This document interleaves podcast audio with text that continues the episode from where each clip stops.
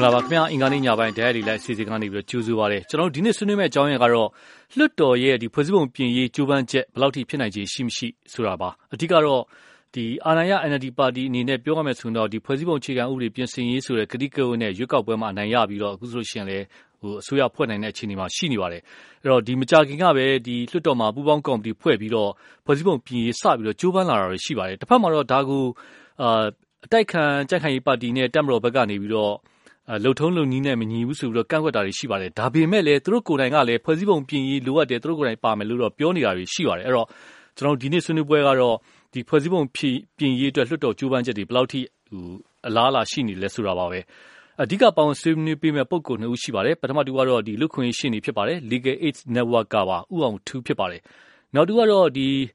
သတင်းစာဆရာ ယနေ့ခေတ် နိုင်ငံရေးမဂ္ဂဇင်းရဲ့ အယ်ဒီတာချုပ် ဦးသက်စင်ဖြစ်ပါတယ် နှစ်ဦးစလုံး လေလိုင်းပေါ်ကို ရောက်နေပါပြီခင်ဗျာကျွန်တော် ကိုအောင်ထူးအရင် ဖိတ်ခေါ်ခြင်းပါတယ် ကိုအောင်ထူး ကြားမယ်ထင်ပါတယ်ခင်ဗျာဟုတ်ကဲ့ဟုတ်ကဲ့ကိုအောင်ထူးကခုနကကျွန်တော်ပြောသွားလို့ပဲ အခု လွတ်တော်ထဲမှာကျိုးပန်းနေကြတယ်အခုကျိုးပြောမယ်ဆိုရင်တော့ကျိုးပန်းနေတာက NLD တွေမကဘူး ကြက်ခိုင်ရေးကလည်း သူတို့ကိုယ်တိုင်သူတို့ နောက် bill တစ်ခုတင်မယ်ဆိုတာ ရှိပါတယ်အဲ့တော့ကျိုးပန်းနေကြတဲ့ဒီဖွဲ့စည်းပုံပြင်ရေးဆိုတဲ့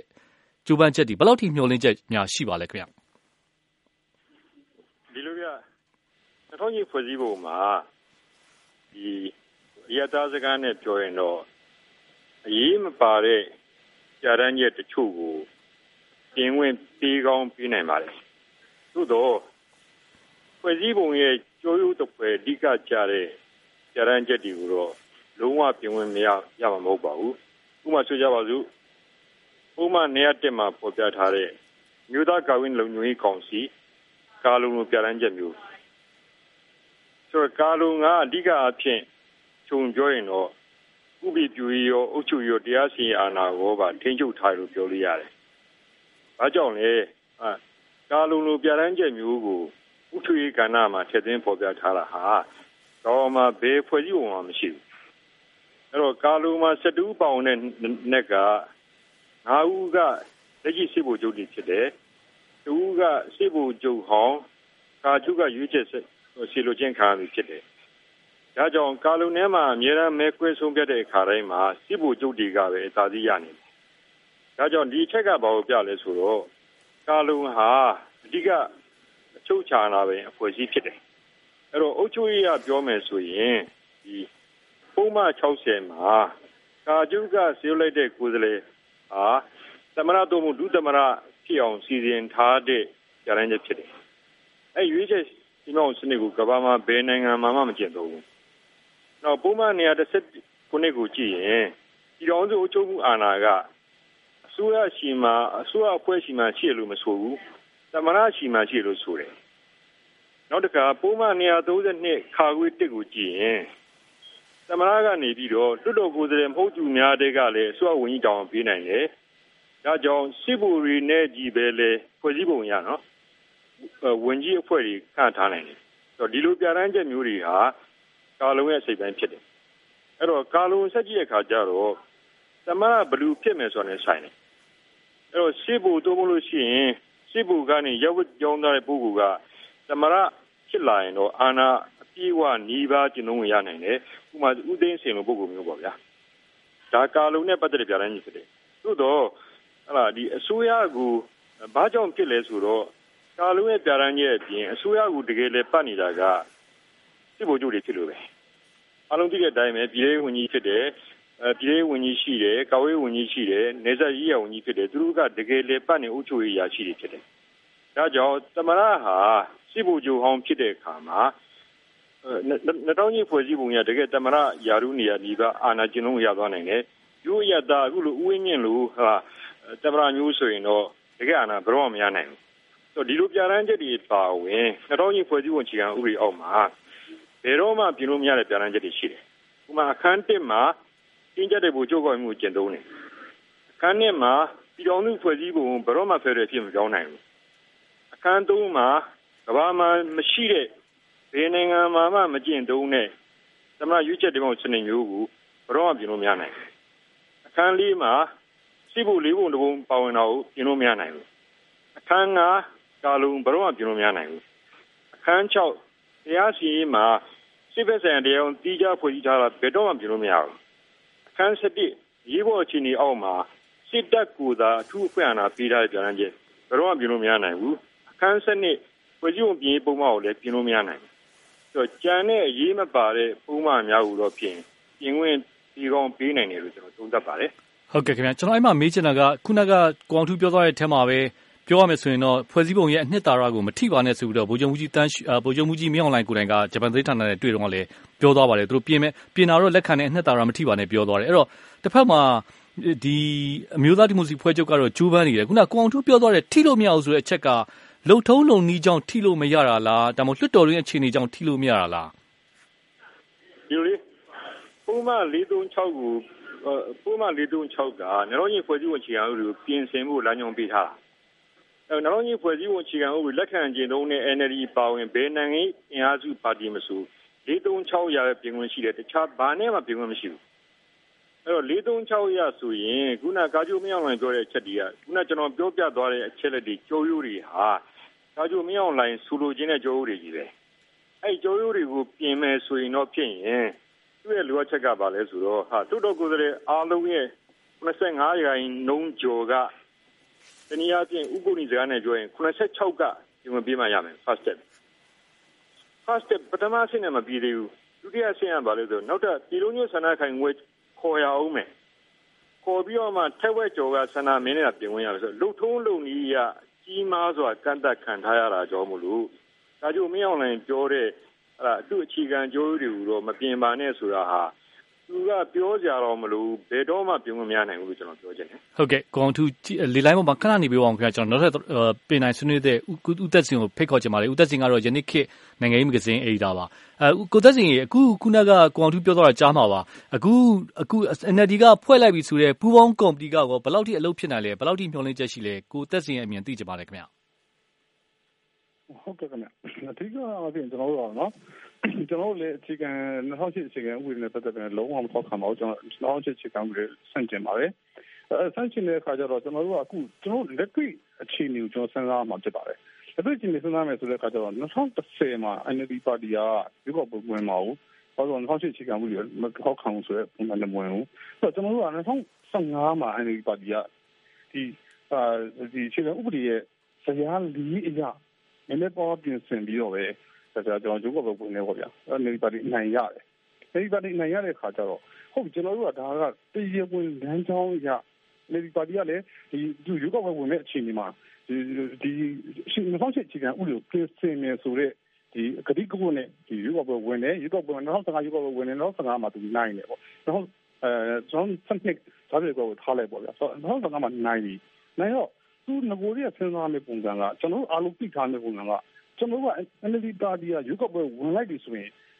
ဒီဥပဒေ2008ခြေခံဥပဒေဘောင်သွင်းရပဲအခြေခံဥပဒေပြင်ဆင်လို့ရတယ်။တော့2008ခြေခံဥပဒေရဲ့ဘောင်သွင်းရပဲအခြေခံဥပဒေကိုပြင်ဆင်လို့ရမယ်ဆိုတော့သူလက်ခံပြီးဝင်လိုက်ပြီ။ဝင်လိုက်ပြီဆိုရင်2008ခြေခံဥပဒေကိုဘယ်လိုပြင်ဆင်မလဲကျွန်တော်စဉ်းစားရမယ်။စဉ်းစားမှတစ်ခုပဲရှိတယ်။ကျွန်တော်တို့ကပြည်သူပြည်ရုံးနဲ့ပေါင်းပြီးတော့2008ခြေခံဥပဒေကိုဘယ်လိုဖြတ်စည်းတတ်တယ်။အဲ့ဘယ်လိုပြင်လိုက်လဲ။နောက်ဒုတိယတစ်ခုကဒီဥပြန် 2008အခြေခံဥပဒေဘောင်ကွင်းကဒီ2008အခြေခံဥပဒေပြင်ဆင်မှုဆိုတာသုံးတော့ကျွန်တော်ကွန်ပဏီဖွဲ့တာယူလိုက်ဆိုတာကဒါကပြောလို့ရှိရင်တော့ဒါကသိသိပဲမရှိဘူးပြပြောချင်တာကကျွန်တော်တို့ကဒီ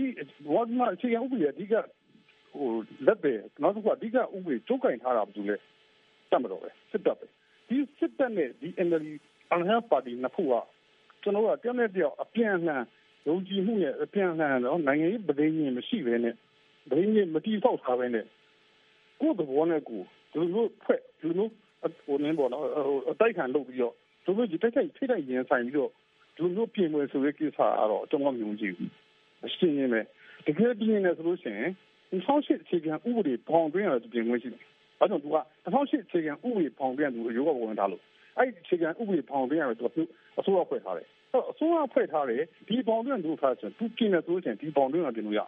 ပြင်ချင်တယ်ဆိုရင်စစ်တပ်နဲ့သူကညှိနှိုင်းရမယ်သဘောတူမှုညီမှုယူရမယ်ပဒင်းယူရမယ်ဘလို့မလို့ဖြစ်နေစစ်တပ်လည်းမသိဘူးငါလုပ်ချင်တာလုပ်မယ်ဆိုတဲ့ဟာကျွန်တော်မယုံကြည်ဘူးဒါကကျွန်တော်ယုံကျွန်တော်မြင်တာကဒါဟာဘာမှလုပ်လို့ရတယ်မထင်ဘူးလုပ်လို့ရနိုင်တာတစ်ခုပဲရှိတယ်စစ်တပ်ကလည်းသဘောတူထားတယ်အဲဟိုကစံစံခိုင်ရတယ်သဘောတူထားတယ်နှစ်ထောက်တက်ကိုပဲပြင်လို့ရမယ်ဒီချက်ကိုဘာလို့မရဘူးဘယ်ချက်ကိုလဲခင်ဗျာကိုကိုသက်စီပြောခင်ဗျာဘယ်ချက်ကိုပဲပြင်လို့ရမယ်ပြောတာလဲအဲပုံမှန်နှစ်ထောက်နှစ်ထောက်တက်ပါနှစ်၆နှစ်နဲ့ ဖြစ်နိုင်တဲ့ဒီရက်ပုံနိုင်တာကတော့ဇရာတစ်နှစ်လုံးဟာမျိုးတော့ဖြစ်နိုင်ရင်ရှိနေမယ်လို့ထင်တယ်ဟုတ်ကဲ့ဒီထက်ပိုပြီးတော့ဘာမှလုပ်နိုင်တယ်လို့အဲ့ဒါကဘယ်ချက်တွေလဲခင်ဗျအကြောင်းအရာလေးပြောပါဦး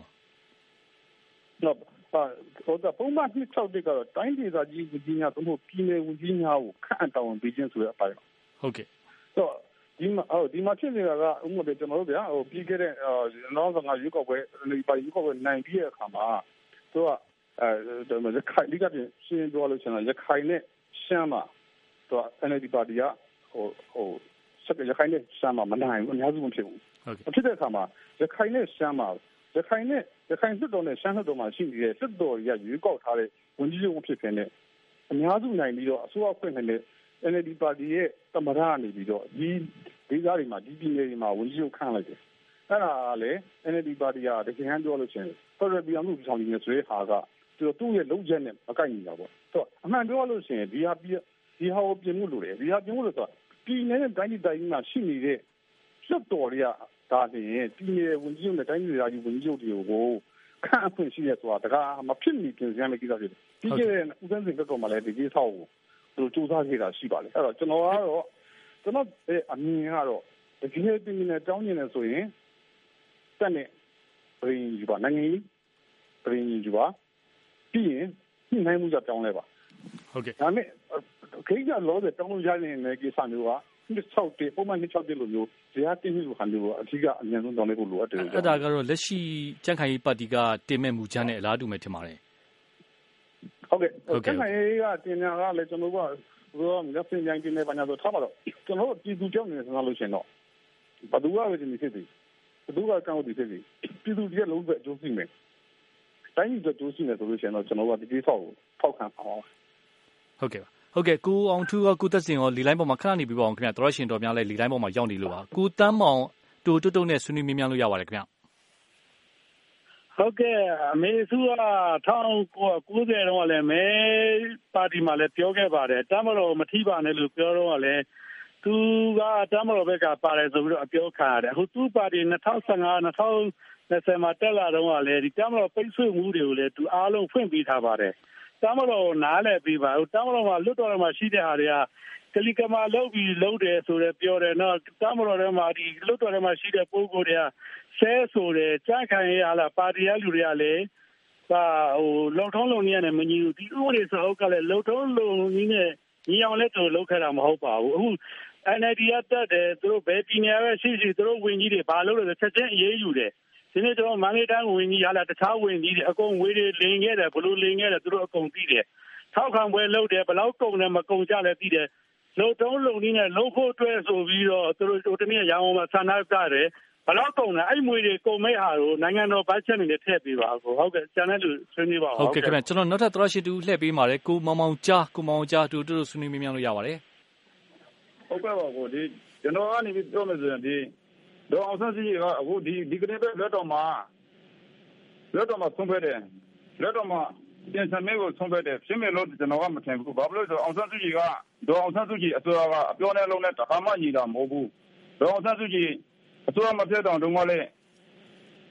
ဒီငါစီကိုစလုံးကိုပြန်ပေါ်တော့အချင်းချင်းကြိုးကြောက်ခဲ့တယ်မအောင်မြင်ခဲ့ဘူးမအောင်မြင်ခဲ့အချိန်မှာသူကအစိုးရဖြစ်လာတယ် အစိုးရဖြစ်လာတဲ့အချိန်မှာ သမရပေါ်မှာနေပြီးနေရတယ် သမရပေါ်မှာ သူနေရပြီဆိုတာနဲ့ ဘာမှနေပြီးဒီကိစ္စကို အပြောပေးရှိတယ် အပြောပေးရှိမှသူကနေပြီးဆုံးအောင်ဒီပြန်ပါလို့ မထင်ဘူး ဟုတ်ကဲ့ခင်ဗျ ကိုမမောင်ကြားမြင်ပြောပြတာ ကျေးဇူးပါ နောက်ထပ်သရရှိတူတစ်ခါလေးဖိတ်ပါမယ်စလိုင်းကိုဝေဝေခုံစလိုင်းကိုကိုစလိုင်းပွေကုန်းဟုတ်ကဲ့ဆွေးနွေးမြင်မြန်းလို့ ရပါတယ် ဟုတ်ကဲ့တန်းကြတော့ ဒီဖွဲ့စည်းပုံပြင်မဲ့ကိစ္စကတမတော်နဲ့ချမ်ဖို့တော့ အရေးမကြီးလို့စာပြင်ဖို့ သူတို့ ကျူးစားတယ် NLD ကတော့ ကျွန်တော်တို့ ပြည်သူလူထု စိတ်တိုက်ပြင်ဖို့ကျူးစားတယ် တကယ်တမ်းကျတော့ NLD တို့တမတော်တို့ချမ်ဖို့တော့အဓိက မဟုတ်ပါဘူး ပြည်သူလူထု ကြိုက်တဲ့ဥစ္စာကို သူတို့ပြင်ဖို့ အရေးကြီးတယ် သူတို့ပါတီအဓိက မဟုတ်ပါဘူးအဲဟောသူတို့2010ပုံ ပြင်ချင်း မပြင်ချင်းကိစ္စက လူထုနဲ့ဆိုင်တယ် အဲ့တော့ အရေးကြီးတဲ့ဥစ္စာကို ပြင်ပေးပါ ဘာလို့လဲဆိုတော့ ဒီတိုင်းသွားနေဆိုရင်တော့ဒီနေ့နေ့တစ်ချိန်ချိန်ကြိုက်ရင် ကျွန်တော်ပြည်သူတွေနဲ့ ရင်ဆိုင်တဲ့ချိန်ကြိုက်ရင်တော့ သူတို့ ဟိုကျွန်တော်တို့အတွက်လည်းမကောင်းဘူးသူတို့လည်းကောင်းမှာမဟုတ်ဘူးအဲ့တော့ Federal ဖြစ်နိုင်ဖို့အတွက်တော့ဟိုမှန်မြတ်ဆောက်တဲ့ပြည်လို့ပြင်ပေးပါနောက်ဒီမိုကရေစီဖြစ်နိုင်ဖို့အတွက်တော့တမရိုဒီဥပဒေကြီးမှာပါဝင်နေတဲ့အကိစ္စတွေကိုလည်းသူတို့နောက်ဆုတ်ပေးပါအုပ်ချုပ်ရေးမှာကြတော့လောလောဆယ်တပ်မတော်ကပါနေမယ်ဆိုရင်လည်းပြဿနာဟုတ်ပေမဲ့ဥပဒေပြုရေးမှာဆက်ပါဝင်နေမယ်ဆိုရင်တော့ဟိုတခါ သူတို့အဆက်လွှတ်တော်မှာဆက်ကွဲသွားတဲ့ပုံစံမျိုးသူတို့တင်ခန်းစာယူပြီးနေလို့ကျွန်တော်ပြောချင်ပါတယ်ဆရာဟုတ်ကဲ့ခင်ဗျကျွန်တော်နောက်ထပ်သရရှင်တူလည်းဆက်လက်ပြီးလိုက်ပါမယ်အချိန်ကိုတီးလက်မှုတိုးတိုးတိုးဆွေးနွေးမြများလို့ရပါတယ်ဟုတ်ကဲ့ခင်ဗျကျွန်တော်ရဲ့အရှိမပြောတဲ့လူအားလုံးရဲ့သဘောထားတော့ကျွန်တော်အနေနဲ့သဘောတူပါတယ်ခင်ဗျဘာဖြစ်လဲဆိုတော့2008ကံဥပဒေအားနော်ဘယ်လိုမှပေါင်းမွန်စွာပြင်ဆင်မှာမဟုတ်ဘူးဗျခုနပြောတဲ့အတိုင်းပဲနော်ကျွန်တော်2008ကံဥပဒေကိုနော် နည်းနည်းပါးပါးနော်ပြင်ဆင်မှာပဲရှိတယ်နော်တကယ်အရေးကြီးချက်ကိုပြင်မှာမဟုတ်ဘူးအဲ့ဒါကြောင့်မို့နော်တို့နဲ့ကျွန်တော်ကြည့်ရတာနော်လွတ်တော်ထဲမှာနော်စစ်တပ်ကနော်ခြေအောင်ဥတွေပြင်မယ်ဆိုတာနဲ့အဲ့အကုန်လုံးမတတ်ထားပြီးတော့တို့အဲ့မှာစက်ကျင်တယ်ဗျအဲ့ဒီတော့နော်ကျွန်တော်ထောက်စစ်ကဘလူနီးနော်ပြင်ပြင်စင်ရှိမှာမဟုတ်ဘူးဒါကြောင့်မို့နော်ကျွန်တော်တိုင်းလာ တော်လိုင်းလက်နက်ကိုင်အဖွဲ့အစည်းတိုင်းလာလူနဲ့ညီညွတ်ညွတ်ညွတ်နဲ့ဆန့်ကျင်ကြဖို့လိုအပ်ပါတယ်လို့ကျွန်တော်အနေနဲ့ပြောချင်ပါတယ်ခင်ဗျကိုတီးလိုက်မှုကျေးဇူးပါခင်ဗျကျွန်တော်ပင်နိုင်ဆွေးနွေးသူတွေကိုပြန်လှည့်ပေးချင်ပါတယ်အရင်ဆုံးကောင်ထုကိုမေးချင်ပါတယ်ဆွေးနွေးတဲ့သူတွေကတော်ရှင်တွေရဲ့အမြင်တော်များများကအခုပူပေါင်းကော်မတီလုပ်တဲ့ကိစ္စကမဖြစ်နိုင်ဘူးကောင်ထုလည်းပြောသွားတယ်မဖြစ်နိုင်ဘူးဒါဟိုပြင်လို့ဖွဲ့ခက်တော့မျော်လင့်တကယ်တမ်းဖွဲ့စည်းပုံကိုဒီ2008ဖွဲ့စည်းပုံကိုပြင်နိုင်မဲ့တခြားနည်းလမ်းတွေရောရှိလားမျော်လင့်စရာတွေရောရှိပါလားခင်ဗျဟိုဒီလိုကခုန ကျွန်တော်ဥသက်ဥသက်စဉ်ဆွေးနွေးသွားတဲ့ပုံမှာကျွန်တော်အမြင်ကိုလည်းနည်းမျှကျင်တယ်ပြင်နိုင်တဲ့အခြေခံပေါ်အနေပုံမှန်260ကိုပြောသွားတယ်ဟိုဒါကတော့ပုံမှန်261ကပြင်ခွင့်ရနိုင်တဲ့အခြေအနေရှိတယ်ဆိုတာကိုတော့ကျွန်တော်မငင်းပါဘူးသို့တော့ပြင်ခွင့်ပေးလားမပေးလားလက်တွေ့လက်တွေ့တော့မသိဘူးပေါ့ဗျာဒါပေမဲ့ကျွန်တော်ပြောချင်တဲ့ချက်ကပါလဲဆိုတော့အတောင်းကြီးဖွဲ့စည်းပုံအခြေခံဥပဒေဟာပြင်ဆင်လာညောင်းသွားလို့ဘယ်တော့မှ တိုင်းပြည်မတည်ငြိမ်နိုင်ဘူးငြင်းချောင်းမရနိုင်ဘူးပြည်ပြည်တော်ဘယ်တော့မှဖြစ်နိုင်အဲ့ဒီကကျွန်တော်ပြောချင်တာ261ကိုပြင်ဝင်ပေးလိုက်အောင်တော့နော်ပြည်နယ်ဝင်းကျုပ်တွေကိုသက်ဆိုင်ရာတိုင်းသားပြည်နယ်ကြီးကရွေးချယ်ခန့်ခွင့်ပေးနိုင်အောင်တော့ဘာမှတူးထူးမလာဘူး။ဘာကြောင့်လဲကျွန်တော်ရှင်းပြပါမယ်။ချက်၃ချက်။တစ်ကဥပဒေပြုရေးနဲ့ပတ်သက်လာရင်ပြည်အောင်စုလွှတ်တော်ကအဓိကဖြစ်တယ်။ပြည်အောင်စုလွှတ်တော်ကအဓိကအကြဆုံးတိုင်းပြည်ရဲ့အကြောင်းအရာဒီဥပဒေပြုခွင့်ယူထားတယ်ပြုလဲပြုပြီးသွားပြီ။ ဥပမာဆိုကြပါစို့ကျွန်တော်ပြည်နယ်တွေကအဓိကထားပြီးတော့အခွင့်အရေးလိုချင်ကြတဲ့သဘောပြန်စတာသဘောပေါင်းခြင်းနေရာနဲ့ပတ်သက်တာ။အဲ့ဒါကြီးအကုန်လုံးကပြည်တော်စုလွတ်တော်မှာဥပဒေပြုပြုဝင်ရှိတယ်ပြည်နယ်မှာမရှိဘူးအဲ့တော့ပြည်နယ်ဥပဒေပြုစည်းရင်ကိုပြန်ကြည့်လိုက်ပါဘာတော့တွေ့ရမလဲဟလာဒီဟိုကျွန်တော်တို့စားနဲ့စားတွေ့ပြီးစားတွေ့စားတွေ့ပစ္စည်းရှိမယ်နောက်တစ်ခါအဲကြောင်းကြီးရနာဥပဒေမရှိဘူးဖြတ်တောက်တာ လုပ်ခွင့်ရှိမယ်တွေးခွင့်ရှိမယ်နောက်တစ်တော်နဲ့ပတ်သက်လို့ပြည်နယ်မှာဘာခွင့်မှမရှိဘူးကြီးရွာထင်းဆိုင်ခွင့်ကြီးရွာထင်းဆိုင်ခင်းကိုဥပဒေပြုခွင့်ပေးထားတယ်ဒါကြောင့်ဥပဒေပြုရေးနဲ့ပတ်သက်လာရင်ဘာမှပြည်နယ်မှာဖွင့်ရတာမရှိဘူး။နောက်အုပ်ချုပ်ရေးကိုကြည့်လိုက်ပါ။နှစ်တောင်းကြီးဖွဲ့စည်းပုံမှာခြေဖက်ကျွန်တော်ရှင်းပြသွားပြီးပြီ။အဓိကကာလုံကမြို့သားကောင်နဲ့လုံကြီးကောင်စီကအဓိကတော့ချက်ဖြစ်တယ်။သူကအဓိကချုပ်ကင်ထားတယ်။ ပြီးတော့အခန်း1မှာလည်းပဲဘူချုပ်ကင်မှုအဓိကသွားတယ် rigid centralization လို့ခေါ်တယ်။တော့တင်းကျပ်တဲ့ဘူချုပ်ကင်မှုကျင့်သုံးထားတဲ့ဖွဲ့စည်းပုံဖြစ်တယ်။ဒါကြောင့်အုပ်ချုပ်ရေးအာဏာကိုပြည်နယ်မှာပြည်နယ်ဝန်ကြီးချုပ်တွေကိုဟာလာတင်မြောက်ခွင့်ပေးအောင်တော့ပြည်နယ်ဝန်ကြီးချုပ်ကကာလုံအောက်မှာငြိမ်ညောင်ဝတ်နေရအောင်မယ်ညှို့လိချက်မရှိဘူးဒါအချိန်နဲ့မှာပြည်နယ်မှာလည်းပဲစစ်တပ်ကကိုယ်စားလှယ်များလွှတ်တော်ထဲမှာလည်းဆက်ပါအောင်မယ်